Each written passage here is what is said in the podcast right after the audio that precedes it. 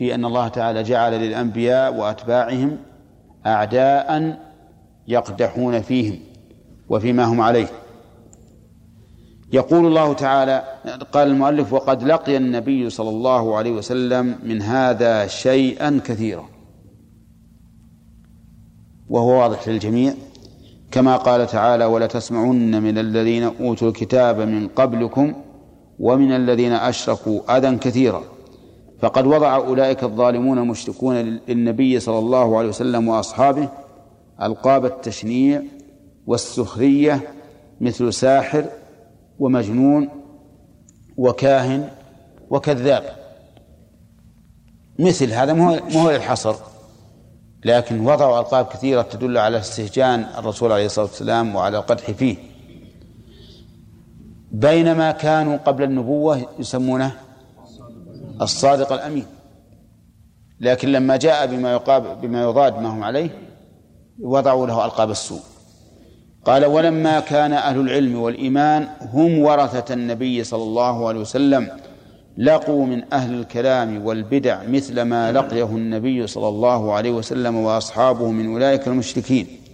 فكانت كل طائفة من هذه الطوائف تلقب أهل السنة بما برأهم الله منه من ألقاب التشنيع والسخرية إما لجهلهم بالحق حيث ظنوا صحة ما هم عليه وبطلان ما عليه أهل السنة وإما لسوء القصد حيث أرادوا بذلك التنفير عن أهل السنة والتعصب لآرائهم مع علمهم بفسادهم.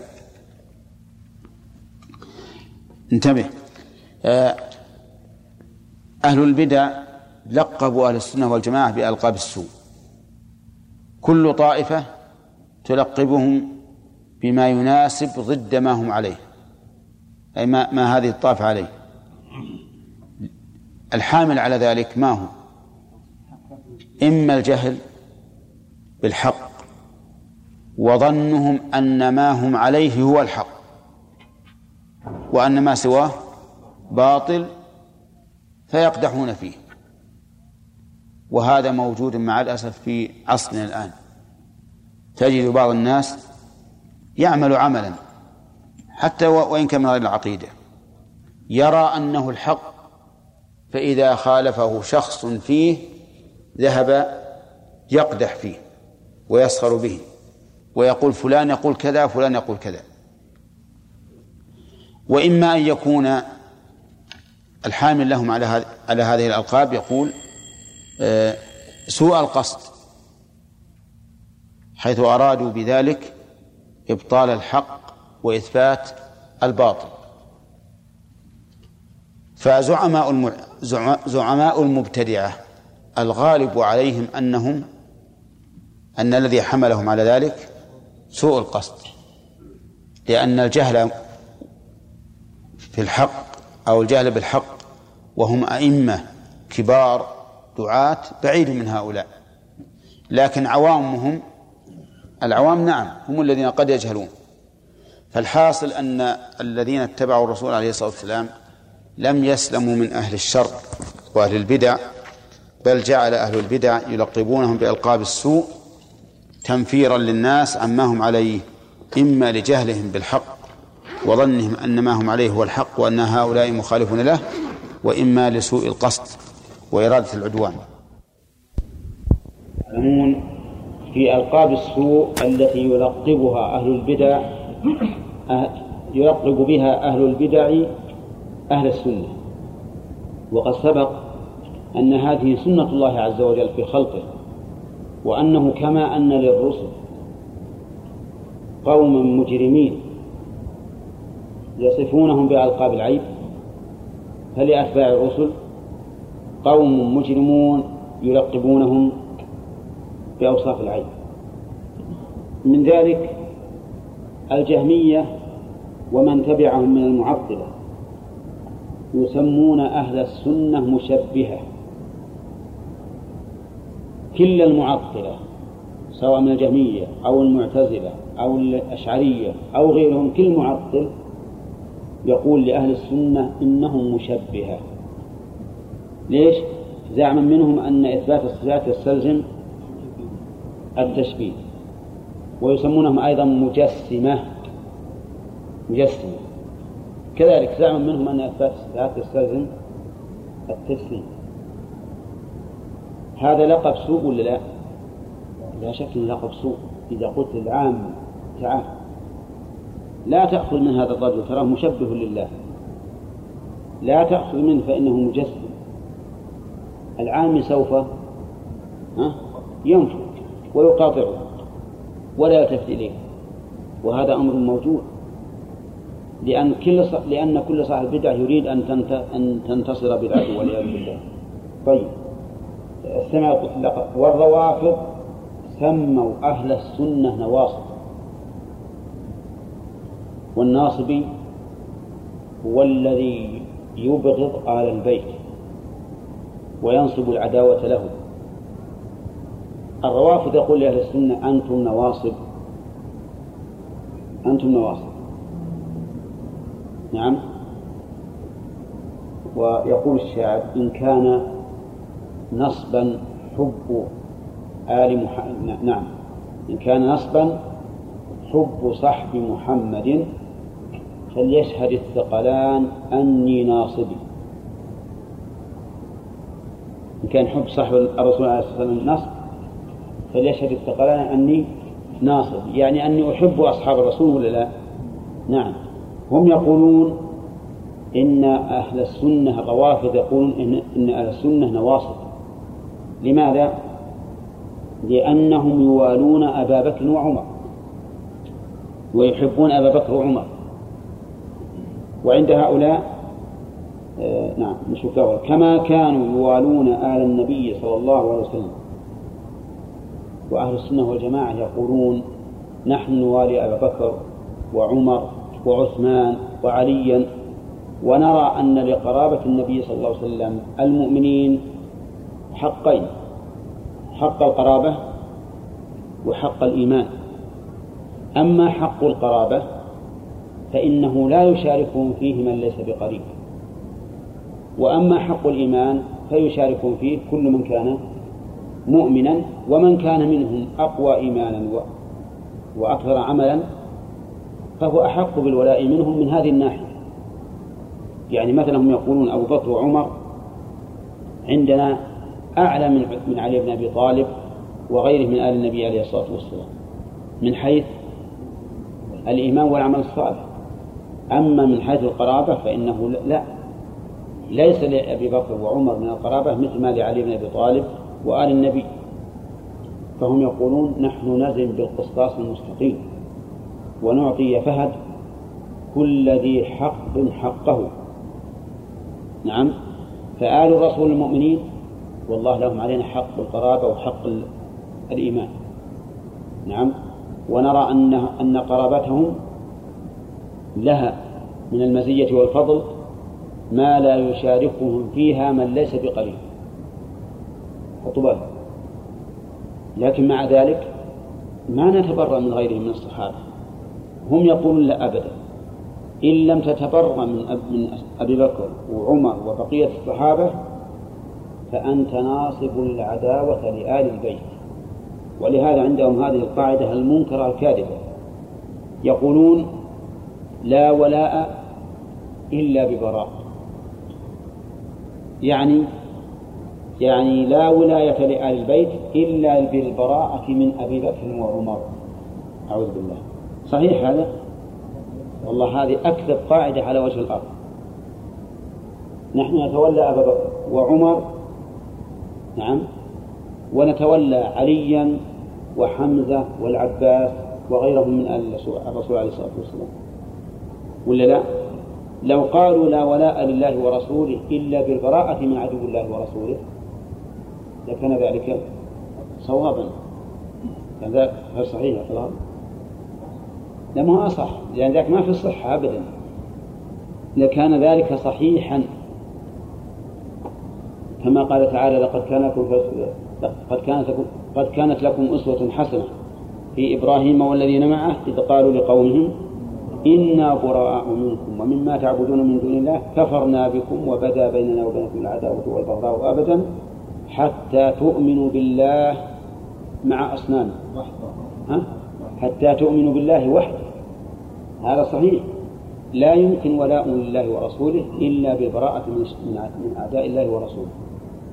أما لا يمكن ولاية لآل البيت إلا بالبراءة من أبي بكر وعمر فكذبوا والله أعظم كذبة. علي بن أبي طالب رضي الله عنه كان يتولى أبا بكر وعمر. نعم. وهما أحب إليه من جميع الصحابة بلا شك عنده. حتى كان رضي الله عنه يعلن على منبر الكوفة يقول خير هذه الأمة بعد نبيها أبو بكر ثم عمر. هو نفسه يقول هذا. وكذب من ادعى ولاية علي بن أبي طالب وهو لا يقر بالفضل لأبي بكر وعمر. بل إن من يدعي ولاية علي بن أبي طالب وهو لا يقر بالفضل لأبي بكر وعمر قد رمى علي بن أبي طالب بالمجاهرة بالمنكر لأنه يخطب على منبر الكوفة. يقول هذا الكلام الذي يقول هؤلاء إنه كلام كذب وساقط. إذا ما هو اللقب السيء الذي لقبه الرافضة لأهل السنة؟ نواصب كذا وهم أيضا يسمونهم مجسمة. ومشبهة لأنهم أي المعتزلة ينكرون الصفات. نعم الروافض ينكرون الصفات. قال والقدرية النفاة قالوا أهل السنة مجبرة. القدرية النفاة احترازا منين؟ من القدرية المثبتة. لأن فيه قدرية مثبتة وقدرية مثبتة القدرية المثبتة الذين يغلون في إثبات القدر. والقدرية النفاة الذين يقولون إن إن أفعال العبد لا علاقة لله تعالى بها. نحن نتكلم عن من؟ القدرية المجبرة. النفاة صح. القدرية النفاة للقدر قالوا أهل السنة مجبرة. يعني يقولون بالجبر يقولون بالجبر لأن إثبات القدر جبر عند هؤلاء النفاة طيب وش يقول المجبرة؟ لا يقولون مجبرة المجبرة أهل السنة مجبرة والمجبرة الحقيقيون؟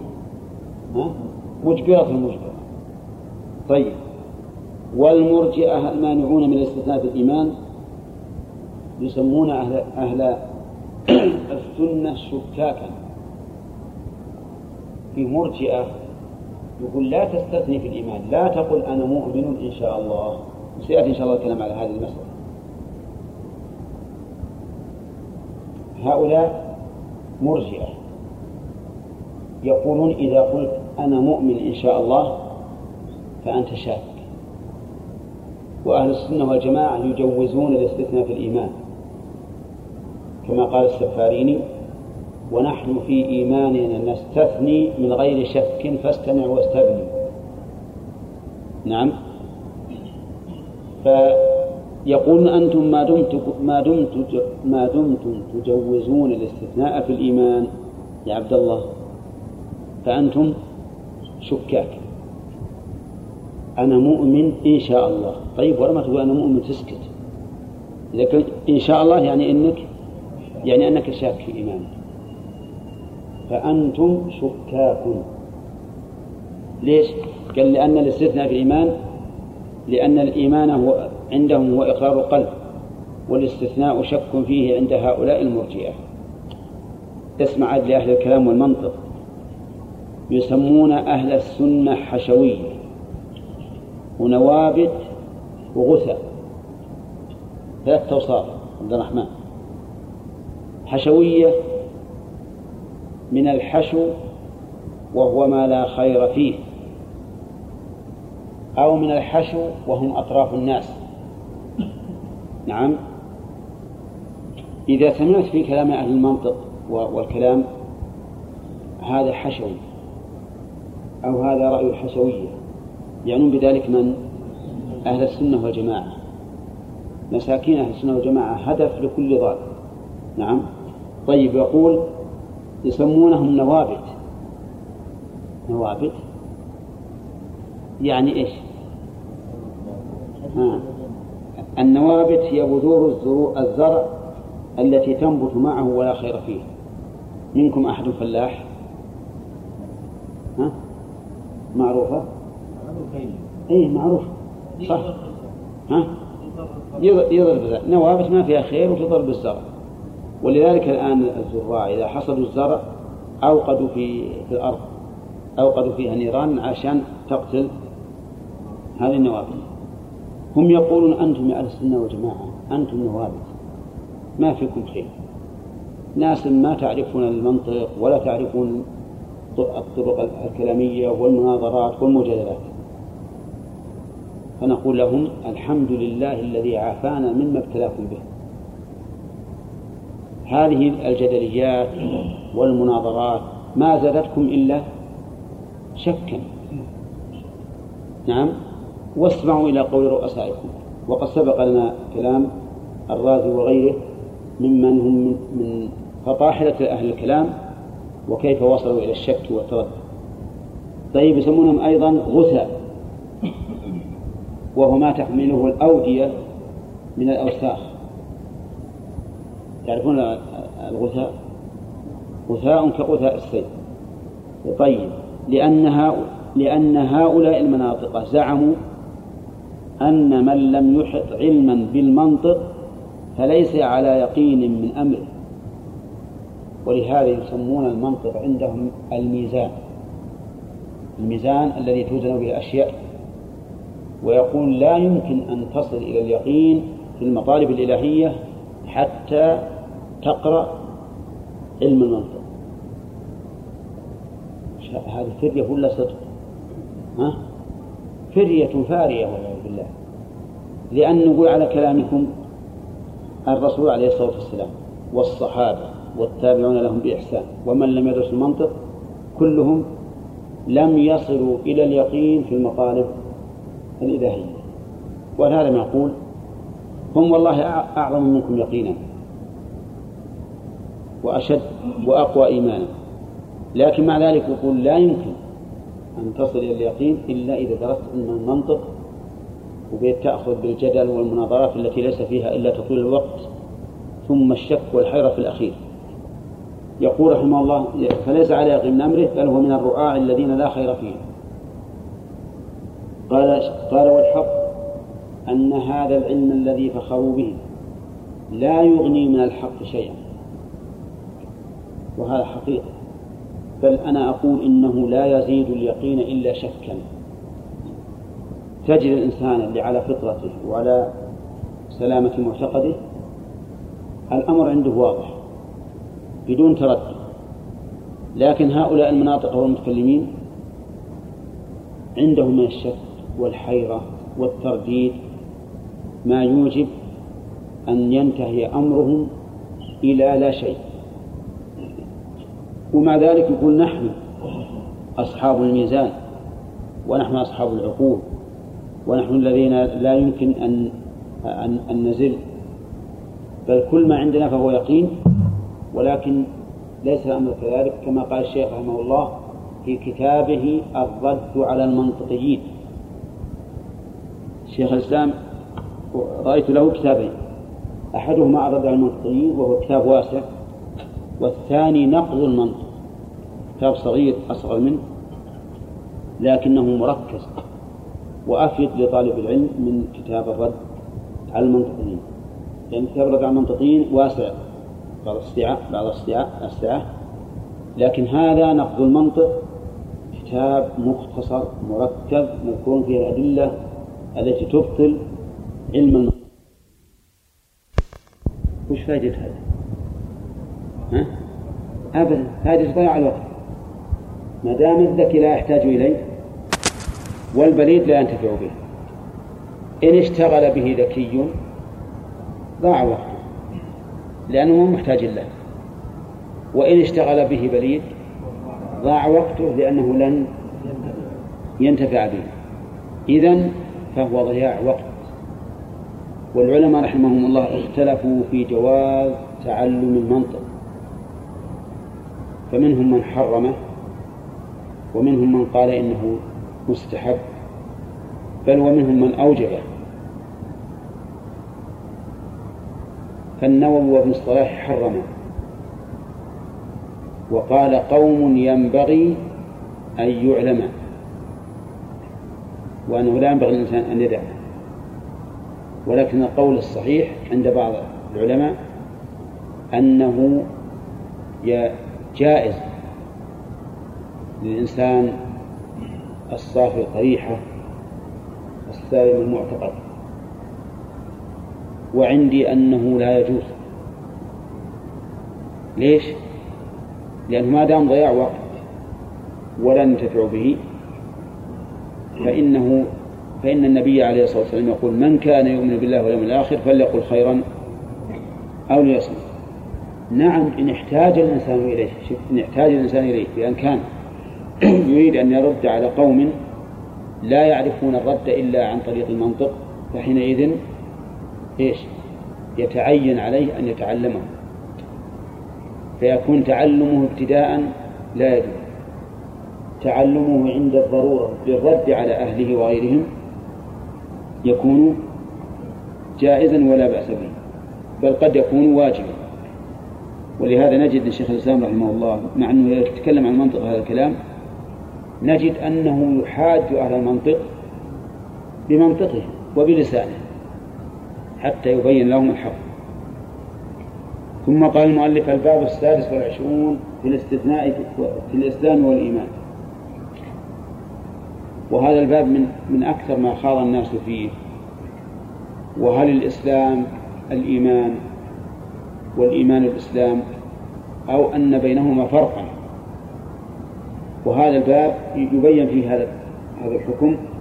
قال الإسلام لغة للانقياد وشرعا استسلام العبد لله تعالى ظاهرا وباطنا بفعل أوامره واجتناب نواهيه فيشمل الدين كله. الإسلام في اللغة الانقياد. يعني نعم.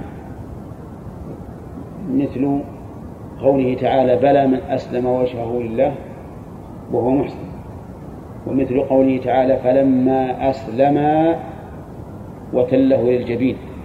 أسلم يعني انقاد واستسلم. لكنه في الشرع استسلام العبد لله ظاهرا وباطنا بفعل أوامره واجتناب نواهيه. ظاهرا مثل الأقوال وأفعال الجوارح. باطنا كأقوال القلوب وأعمال القلوب. فالاستسلام لله ظاهرا وباطنا هذا هو الإسلام. وعلى هذا فيشمل الدين كله. قال الله تعالى ورضيت لكم الإسلام دينا. وقال تعالى إن الدين عند الله الإسلام. وقال تعالى ومن يبتغي غير الإسلام دينا فلن يقبل منه. ما المراد بالإسلام في هذه في هذه الثلاث؟ كل الدين. وهو الاستسلام لله ظاهرا وباطنا بفعل أوامره واجتناب نواهيه. الإيمان لغة التصديق. قال الله تعالى وما أنت بمؤمن لنا أي بمصدق وفي الشرع إقرار القلب المستلزم للقول والعمل. إقرار القلب المستلزم للقول والعمل. إقرار القلب هذا باطني ولا ظاهر؟ باطن مستلزم للقول والعمل الظاهر والباطن. أما إيمان لا يستلزمه فليس بإيمان شرعا. فالذي يؤمن بالله وأنه خالق السماوات والأرض ورازق ومحيي ومميت لكنه لكنه أي إيمانه لم يستلزم القول والعمل فهذا ليس بمؤمن شرعا. ليس بمؤمن. وما أكثر ما نسمع من العامة وأشباههم يتكلمون عن ملحد طاغية يقول رجل مؤمن مؤمن يقر بالله. يقر بأن السماوات والأرض مخلوقة لخالق عظيم. فيصفه بأنه مؤمن وهل هذا صحيح ولا غير صحيح؟ غير صحيح. شرعا ليس بصحيح. طيب. قال فهو اعتقاد وقول وعمل. اعتقاد القلب وقول اللسان وعمل القلب والجوارح. اعتقاد القلب مبني على ستة أشياء. بينها الرسول عليه الصلاة والسلام بقوله الإيمان أن تؤمن بالله وملائكته وكتبه ورسله واليوم الآخر والقدر خيره وشره. هذا إقرار القلب. قول القلب يعني حركة القلب. حركة القلب. والإيمان تعرفونه إقرار وطمأنينة بالشيء. لكن عمل القلب هو أن يتحرك القلب لشيء ما مثل المحبة والكراهة والخوف والرجاء والتوكل والمراقبة وما أشبه ذلك. هذا نسميه إيش؟ نسميه عمل القلب. لأن المحبة مثلا إذا أحببت شيئا ملت إليه. الكراهة إذا كرهت شيئا نفرت عنه وهكذا. فأعمال القلوب غير أقوال القلوب والفرق بينهما أن القول إقرار وركون إلى الشيء وهو الاعتقاد والعمل لا بد فيه من حركة واتجاه وفعل ما لكن فعل قلبي لا يبين. وأما عمل وأما عمل الجوارح فهو إما قول وإما فعل. فعمل الجوارح إما قول وإما فعل. القول مثل إيش؟ قول مثل الصلاة كالذكر وقراءة القرآن والأمر بالمعروف والنهي عن المنكر ودراسة العلم وما أشبهه. والفعل ما يكون بالجوارح الأربعة الأعضاء مثل الركوع من الصلاة. قال فيها قول.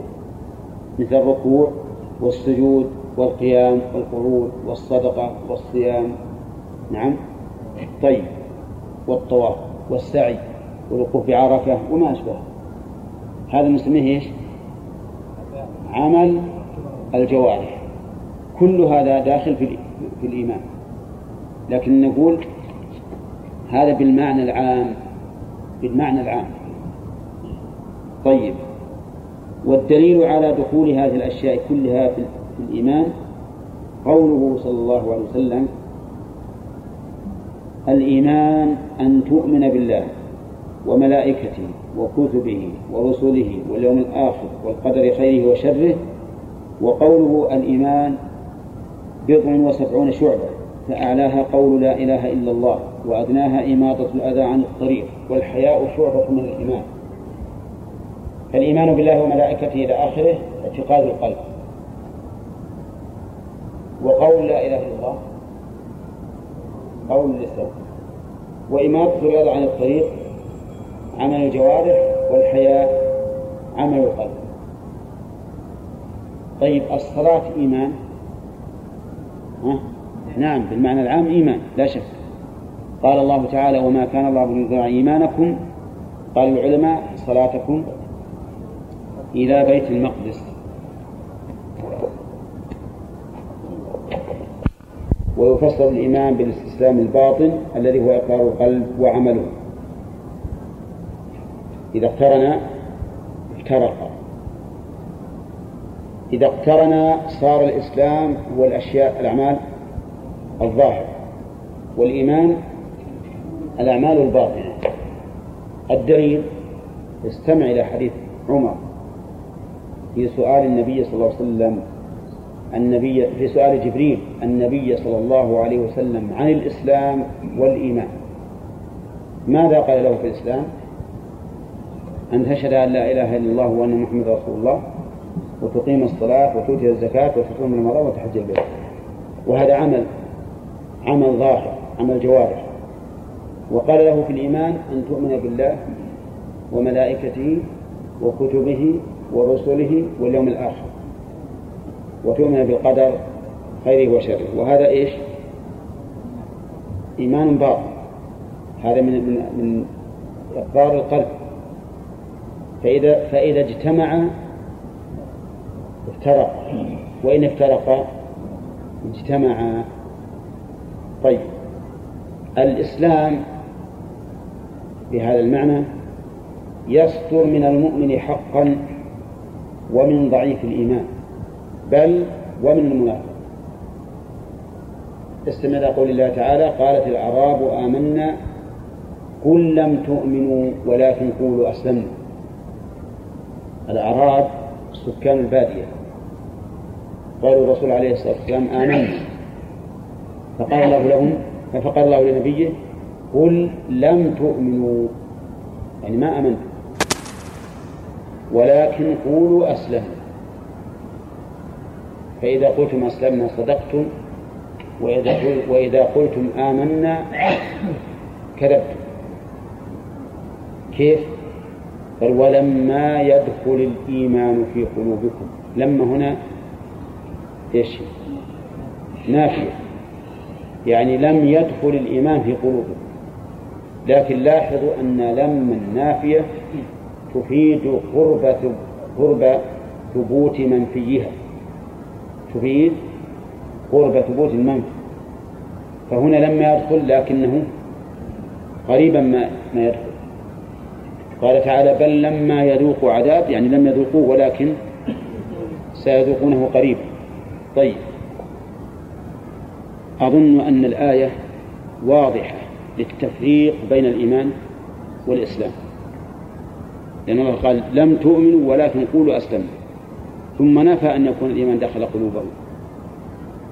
فإن قلت هذا ينتقض عليك بقوله تعالى فأخرجنا من كان فيها من المؤمنين فما وجدنا فيها غير بيت من المسلمين. فهنا قال من المؤمنين هم قال من المسلمين. وهذا يدل على أن الإيمان والإسلام شيء واحد. فالجواب أن هذا لا ينتقض لا ينقض عليه. الأنبياء والمرسلين وبعد. قال المؤلف رحمه الله تعالى وبذلك عرف أن الإيمان يشمل الدين كله وحينئذ لا فرق بينه وبين الإسلام وهذا حينما ينفرد أحدهما عن الآخر. أما إذا اقترن أحدهما بالآخر بالآخر فإن الإسلام يفسر بالاستسلام الظاهر الذي هو قول اللسان وعمل الجوارح وعمل الجوارح ويصدر من المؤمن كامل الإيمان وضعيف الإيمان. قال الله تعالى قالت الأعراب آمنا قل لم تؤمنوا ولكن قولوا أسلمنا. ولما, يد ولما يدخل الإيمان في قلوبكم ومن المنافق لكن يسمى مسلما ظاهرا ولكنه كافر باطنا. ويفسر الإيمان بالاستسلام الباطن الذي هو إقرار القلب وعمله. وعمله. وعمله. ولا يصدر إلا من المؤمن حقا. كما قال تعالى إنما المؤمنون الذين إذا ذكر الله إذا ذكر الله وجلت قلوبهم وإذا تليت عليهم آياته زادتهم إيمانا وعلى ربهم يتوكلون. الذين يقيمون الصلاة ومما رزقناهم ينفقون. أولئك هم المؤمنون حقا. وبهذا المعنى يكون الإيمان أعلى. فكل مؤمن مسلم و فكل مؤمن مسلم ولا عكس. بسم الله الرحمن الرحيم. الحمد لله رب العالمين. والصلاة والسلام على نبينا محمد وعلى آله وأصحابه أجمعين. لا أحدهما عن الآخر. أما إذا اقترن أحدهما بالآخر فإن الإسلام يفسر بالإستسلام الظاهر الذي هو قول اللسان وعمل الجوارح ويفسر الإيمان بالاستسلام الباطن الذي هو إقرار القلب وعمله. إذا اقترن افترقا إذا اقترن صار الإسلام هو الأشياء الأعمال الظاهرة والإيمان الأعمال الباطنة. الدليل استمع إلى حديث عمر في سؤال النبي صلى الله عليه وسلم. النبي في سؤال جبريل النبي صلى الله عليه وسلم عن الإسلام والإيمان. ماذا قال له في الإسلام؟ أن تشهد أن لا إله إلا الله وأن محمد رسول الله وتقيم الصلاة وتؤتي الزكاة وتصوم رمضان وتحج البيت. وهذا عمل عمل ظاهر عمل جوارح. وقال له في الإيمان أن تؤمن بالله وملائكته وكتبه ورسله واليوم الآخر. وتؤمن بالقدر خيره وشره وهذا إيش؟ إيمان باطن هذا من من من إقرار القلب. فإذا فإذا اجتمع افترق. وإن افترق اجتمع. طيب. الإسلام بهذا المعنى يصدر من المؤمن حقا ومن ضعيف الإيمان. بل ومن المنافق. استمع إلى قول الله تعالى قالت الأعراب آمنا قل لم تؤمنوا ولكن قولوا أسلمنا. الأعراب سكان البادية. قالوا الرسول عليه الصلاة والسلام آمنا. فقال الله لهم فقال الله لنبيه قل لم تؤمنوا. يعني ما آمنتم. ولكن قولوا أسلمنا. فإذا قلتم أسلمنا صدقتم وإذا وإذا قلتم آمنا كذبتم. كيف؟ قال ولما يدخل الإيمان في قلوبكم. لما هنا إيش؟ نافية. يعني لم يدخل الإيمان في قلوبكم. لكن لاحظوا أن لما النافية تفيد قرب قرب ثبوت منفيها. تفيد قرب ثبوت المنفي. فهنا لما يدخل لكنه قريبا ما ما يدخل. قال تعالى بل لما يذوقوا عذاب يعني لم يذوقوه ولكن سيذوقونه قريبا. طيب. أظن أن الآية واضحة للتفريق بين الإيمان والإسلام. لأن الله قال لم تؤمنوا ولكن قولوا أسلمنا. ثم نفى أن يكون الإيمان دخل قلوبهم. فإن قلت هذا ينتقض عليك بقوله تعالى فأخرجنا من كان فيها من المؤمنين فما وجدنا فيها غير بيت من المسلمين. فهنا قال من المؤمنين هم قال من المسلمين. وهذا يدل على أن الإيمان والإسلام شيء واحد. فالجواب أن هذا لا ينتقض لا ينقض عليه. بل هذا يشهد لما أقول. لأن الله عز وجل يقول فأخرجنا من كان فيها من المؤمنين. وهذا حق. ما نجا إلا المؤمنون ولا خرج إلا المؤمنون. فما وجدنا فيها غير بيت من المسلمين. ما قال غير م... ما وجدنا فيها غير غير مؤمنين أو غير مسلمين. قال فما وجدنا فيها غير بيت من المسلمين. ومعلوم أن زوجة لوط كانت في بيته وكانت ظاهرا مستسلمة فهي من المسلمين. ومن معها من المؤمنين مسلمون ولا لا؟ نعم, نعم مسلمون مؤمنون. أما هي فمسلمة غير مؤمنة. وهذا واضح أنه إيش؟ أن هناك فرقا بين الإيمان والإسلام. أي نعم. طيب ثم قال المؤلف رحمه الله ويفسر الإيمان يعني عند اجتماعهما بالاستسلام الباطن الذي هو إقرار القلب وعمله ولا يصدر إلا من مؤمن حقا كما قال تعالى إنما المؤمنون الذين إذا ذكر الله وجدت قلوبهم وإذا تليت عليهم آياته زادتهم إيمانا وعلى ربهم يتوكلون الذين يقيمون الصلاة ومما رزقناهم ينفقون أولئك هم المؤمنون حقا. شوف هم المؤمنون. حقا يعني كامل الإيمان على وجه الحقيقة. كم الأوصاف التي ذكر؟ الأخ. في الآية.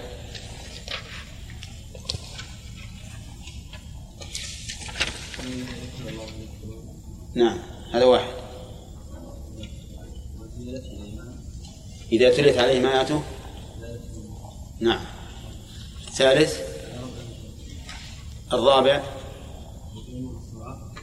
والخامس. ها؟ ومما رزقناهم ينفقون. وهذا أعم من إيتاء الزكاة. طيب هذه الأوصاف الخمسة إذا اجتمعت في الإنسان صار مؤمنا حقا. فإن تخلف بعضها نقص الإيمان. فتش هل يزيد هل يوجل قلبك إذا ذكر الله؟ إذا ذكر الله أي ذكر عقوبته ذكرت عقوبته للمجرمين. هل يخاف قلبك؟ نعم.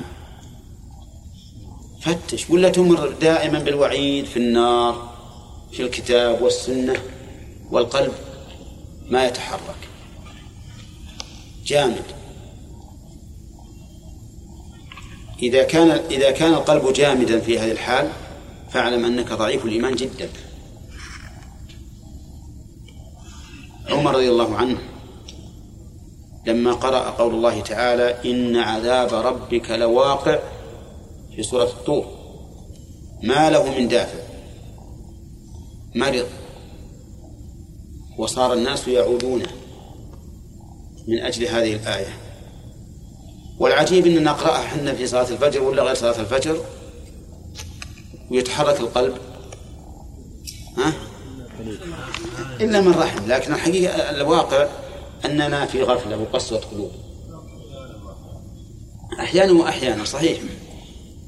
لكن ما ما رأينا أحدا قرأها ومرض وجعل الناس يعودونه على قوة عمر رضي الله عنه في دين الله لكن خوفه من الله أوجب له أن يصل إلى هذه الحال. إذا تليت عليهم آياته زادتهم إيمانا. إيمانا بالله عز وجل. وبشرعه وزادتهم قبولا له وزادتهم عملا به لأنها آيات الله عز وجل. وعلى ربهم يتوكلون لا يعتمدون إلا على الله فيثبتون في مقام تزل فيه الأقدام لأنهم معتمدون على الله. ولا يخشون في الله لومة لائم لأن لومة لائم لأنهم إيش؟ معتمدون على ربهم. الذين يقيمون الصلاة يعني يأتون بها على وجه مستقيم. ومما رزقناهم ينفقون يعني ينفقون مما أعطاهم الله عز وجل وأول ما يدخل فيه الزكاة. قال وبها وبهذا المعنى يكون الإيمان أعلى. فكل مؤمن مسلم ولا عكس. إيش معنى لا عكس؟ ليس كل مسلم أي ليس كل مسلم مؤمنا صح. ثم قال فصل في زيادة الإيمان ونقصانه. من أصول أهل السنة والجماعة أن الإيمان يزيد وينقص وقد دل على ذلك الكتاب والسنة. أظن لا يخفى عليكم أن أن الأعمال تدخل في الإيمان. قول نعم. طيب. فإذا زادت الأعمال زاد الإيمان بلا شك وإذا نقصت نقص من أدلة الكتاب قوله تعالى ليزدادوا إيمانا مع إيمانهم. ليزدادوا إيمانا مع إيمانهم. وقال تعالى فأما الذين آمنوا فزادتهم إيمانا. ومن أدلة السنة قوله صلى الله عليه وسلم في النساء ما رأيت من ناقصات عقل ودين أذهب للب الرجل الحازم من إحداكن. وصدق الرسول عليه الصلاة والسلام. الإنسان يرغب مثلا في الفرس يرغب في السيارة يرغب في البعير يرغب في البيت لكن لا لا يستولي ذلك لا تستولي تلك الرغبة على مشاعره وعلى عقله وفطرته. لكن يرغب في امرأة. نعم. فتستولي على مشاعره وعقله حتى يتصرف في سبيل الوصول إلى هذه المرأة تصرفا لو تصرفه غيره لأنكر عليه. نعم. وهذا مستاق قول النبي عليه الصلاة والسلام ما رأيت من ناقصات عقل ودين أذهب للب الرجل من إحداكن تجد هذا والعياذ بالله تروق في نفس امرأة فيتتبعها في الأسواق ويحرص على أن يسمع كلامها وما أشبه ذلك. وهذا لا شك أنه نقص في العقل ونقص في الدين. فالرسول يقول عليه الصلاة والسلام يا عبد الرحمن ما رأيت من ناقصات عقل ودين أذهب للب لب بمعنى عقل الرجل مو أي رجل. الرجل الحازم اللي عنده من الحزم والعقل ما يمنعه من التصرف السيء ومع ذلك يذهب عقله في جانب النساء. والشاهد من هذا الحديث قوله ها؟ من ناقصات عقل ودين. ناقصات عقل ودين. الشاهد في دين ولا عقل؟ دين, دين.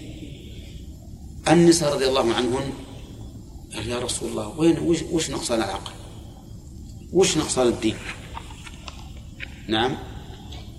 قال الرسول عليه الصلاة والسلام أليست شهادة المرأتين بشهادة رجل واحد؟ أو قال شهادة الرجل بشهادة المرأتين؟ قلنا بلى. قال هذا نقصان العقل. أليس إذا حاضت لم تصلي ولم تصم؟ قلنا بلى. قال هذا نقصان الدين.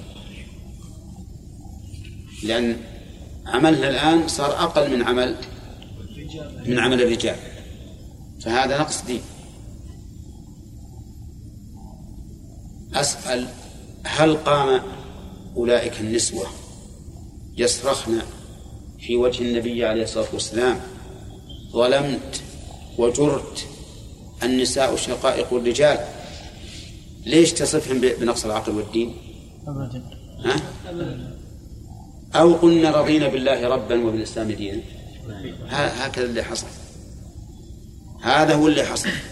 لكن أئمة الكفر وأتباع أئمة الكفر الآن وقبل الآن يقولون هذا أمر منكر. ولا نوافق. ولا نسلم أن المرأة ناقصة عقل ودين. بل يقولون الدين ما هو عندنا بشيء. ولتكن ناقصة للدين ما يهم. لكن عقل ما ما ما, ما, ما نسمح أبد تقول إنه ناقصة عقل. ناقصة عقل. أختك من أمك وأبوك ناقصة عقل. نعم. شقائق الرجال وبنات آدم ما تخاف الله. تقول ناقصة عقل. يجب أن تكون مساوية للرجل في كل الأعمال حتى في أمور السياسة والتدبير والحرب وغير ذلك. مع أنه وإن كانت في الحرب لو غمز له واحد جميل قالت يا ناس شوفوا هذا الرأي عند هذا الرجل. خلاص. هذا رجل موفق وحكيم ما قال فهو الحق. وإن كان هي عنده نوع من العقل سكتت لكن وافقته في مجلس آخر. قالت برأيه فمثل هذه المرأة اللي عندها هذه العاطفة وهذا أمر لا ينكر. ما يمكن أحد ينكره. كيف نقول إنه مثل الرجل الحازم العاقل الثابت الراسخ؟ أشد من ذلك الآن عندما يلقون الكلمات أو الخطابات يقولون سيداتي وسادتي. بعضهم يقولون لي في أبواب الحمامات حمام للسيدات جنبه حمام للرجال. قولوا للسادة. ما دام قلت للسيدات العدل قولوا للسادة. ولا ما دام قلت للرجال قولوا للنساء. لكن كل هذا من التقليد الأعمى للغرب سواء قالوه عن جهل أو قالوه لأنهم معجبون بما عندهم من الثقافة البائدة التي الآن كما أخبرنا الثقات الآن يتمنون أن يتخلصوا مما هم فيه لكنهم عاجزون. فبدأ رفاة العظام البالية من الثقافات بدأ بعض المسلمين الآن يلتهمونها بقطع النظر عن ما فيها من الديدان والخبث والأنجاس. نعم. وهذا أمر دفاعه على كاهل الشباب كاهل الشباب المسلم المثقف ثقافة دينية متلقاة من كتاب الله من كتاب ربه وسنة نبيه. ولا حرج علينا أن نقول كلمة الحق بدون عنف فنعرض الحق ونبينه ونحن والحمد لله واثقون من صحة ما نقول بأن المرأة ناقصة عقل ودين ومن أجل هذا الاعتقاد المبني على كتاب الله وسنة رسوله من أجل ذلك كنا نرحمها أكثر مما يرحمها أولئك. وكنا نحميها أكثر مما يحميها أولئك. وكنا ننزلها في المنزلة اللائقة بها من الرأفة والرفق واللين أكثر مما ينزلها أولئك حتى قال الرسول عليه الصلاة والسلام رفقا بالقوارير. يعني بالنساء. فشبهها هنا بالقارورة لتنكسر مع الحركة والرج. و ونحن نشهد الله عز وجل وملائكته ومن سمع كلامنا هذا أننا نقول ونرى أنه يلزم أن يقول كل مؤمن بما قاله النبي عليه الصلاة والسلام. إنهن ناقصات عقل ودين. وأن من السفه والخطأ والخطر والخطل أن يوكل إليهن تدبير المسلمين العام. أما تدبير المنازل والبيوت فهذا إليهن لأن المرأة مسؤولة راعية في بيت زوجها ومسؤولة عن رعيتها. طيب. يقول ففي الآية إثبات زيادة الإيمان. وفي الحديث إثبات نقص الدين. وكل نص يدل على زيادة الإيمان فإنه يتضمن الدلالة على نقصه وبالعكس لأن الزيادة والنقص متلازمان لا يعقل أحدهما بدون الآخر. وقال نعم. وقد ثبت لفظ الزيادة. نعم. العبارة كل نص يدل على زيادة الإيمان فإنه دال على نقصه. لأن إذا قلنا الإيمان يزيد هل تعقل زيادة بدون نقص؟ إذا كلمة يزيد معناه هناك نقص. وكل نص يدل على النقصان فهو دال على الزيادة. لأن النقص معناه أنه معناه أن فوقه شيئا. فعلى هذا نقول إن الإيمان إن القرآن دل على نقص الإيمان. لأن فيه التصريح بزيادته. والسنة دلت على زيادته لأن فيها التصريح بنقصه. وأما من توقف في إطلاق النقص في الإيمان لأنه لم يذكر في القرآن فإن هذا توقف في غير محله. لأنه ما دام ثبت الزيادة فيلزم منها النقص. نعم. أبدا. يعني هو يقول يزيد. إيه؟ طيب إذا قلنا يزيد معناه هذا الزائد معناه مقابله ناقص. ما يمكن زيادة إلا بنقص. بالنظر لشخص واحد. حتى لشخص واحد وحتى لأشخاص. الآن أنت مثلا لو صليت أربع ركعات وصليت ست. لما صليت ست زاد. فهو باعتبار الصلاة الأولى زائد والعمل الأول بالنسبة للثاني ناقص. إيه ناقص ما في إشكال. قال وقد ثبت لفظ الزيادة والنقص منه عن الصحابة ولم يعرف عنهم مخالف فيه وجمهور السلف على ذلك. قال ابن عبد البر وعلى أن الإيمان يزيد وينقص جماعة أهل الآثار والفقهاء أهل الفتية في الأمصار. وذكر عن مالك روايتين في إطلاق النقص إحداهما التوقف والثانية موافقة الجماعة. التوقف يعني يقول لا أقول إنه ينقص ولكن أقول إنه يزيد. أو التوقف أنه يقول أقول لا ينقص. أين التوقف؟ عندنا عبارتان الآن. لا أقول إنه ينقص. أقول إنه لا ينقص. لا أقول بينهم فرق؟ نعم ها؟ وبينهم فرق؟ نعم. إذا قال أقول إنه لا ينقص فهذا صرح بالنفي. ولا لا؟ صرح بنفي النقصان. إذا أق... إذا قال لا أقول إنه ينقص فمعناه نفى القول. أي أي أني أتوقف. ولست أقول بنفي النقصان. قال وخالف في هذا الأصل. وش هو الأصل؟ زيادة الزيادة والنقص. طائفتان. إحداهما المرجئة الخالصة الذين يقولون إن الإيمان إقرار القلب. وزعموا أن إقرار القلب لا يتفاوت.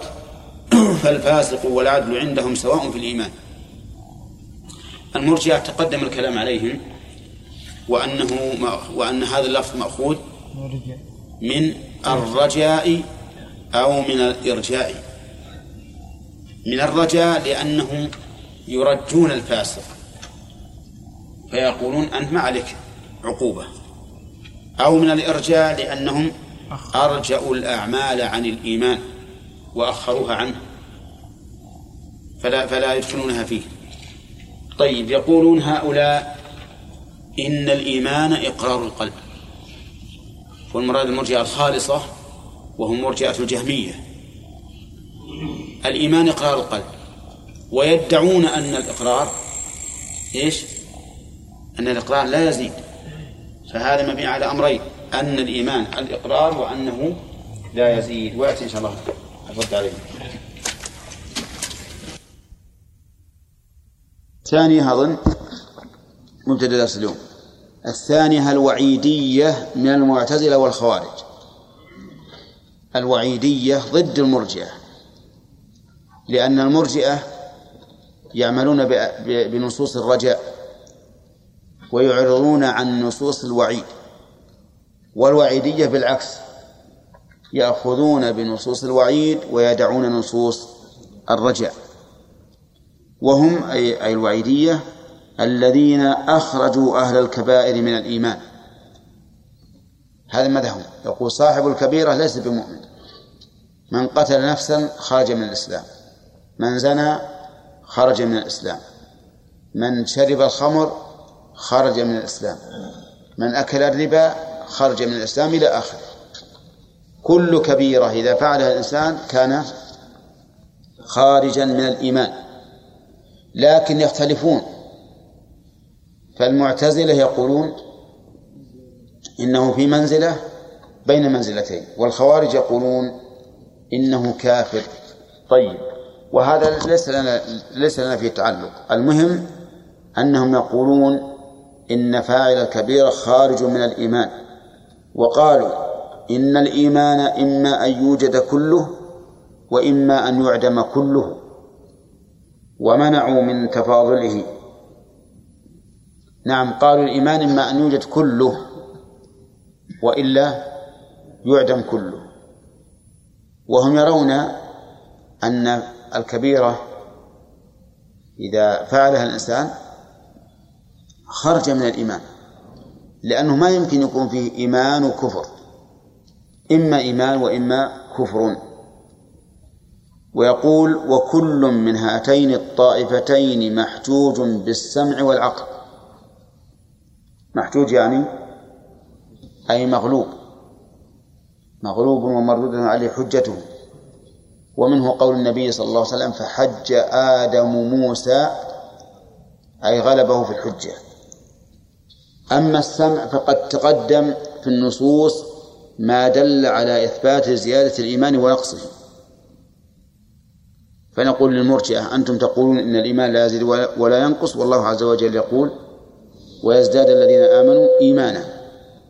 وكذلك نقول للخوارج والمعتزلة أنتم تقولون إن الإيمان لا يزيد ولا ينقص والله تعالى قد أثبت الزيادة لهم.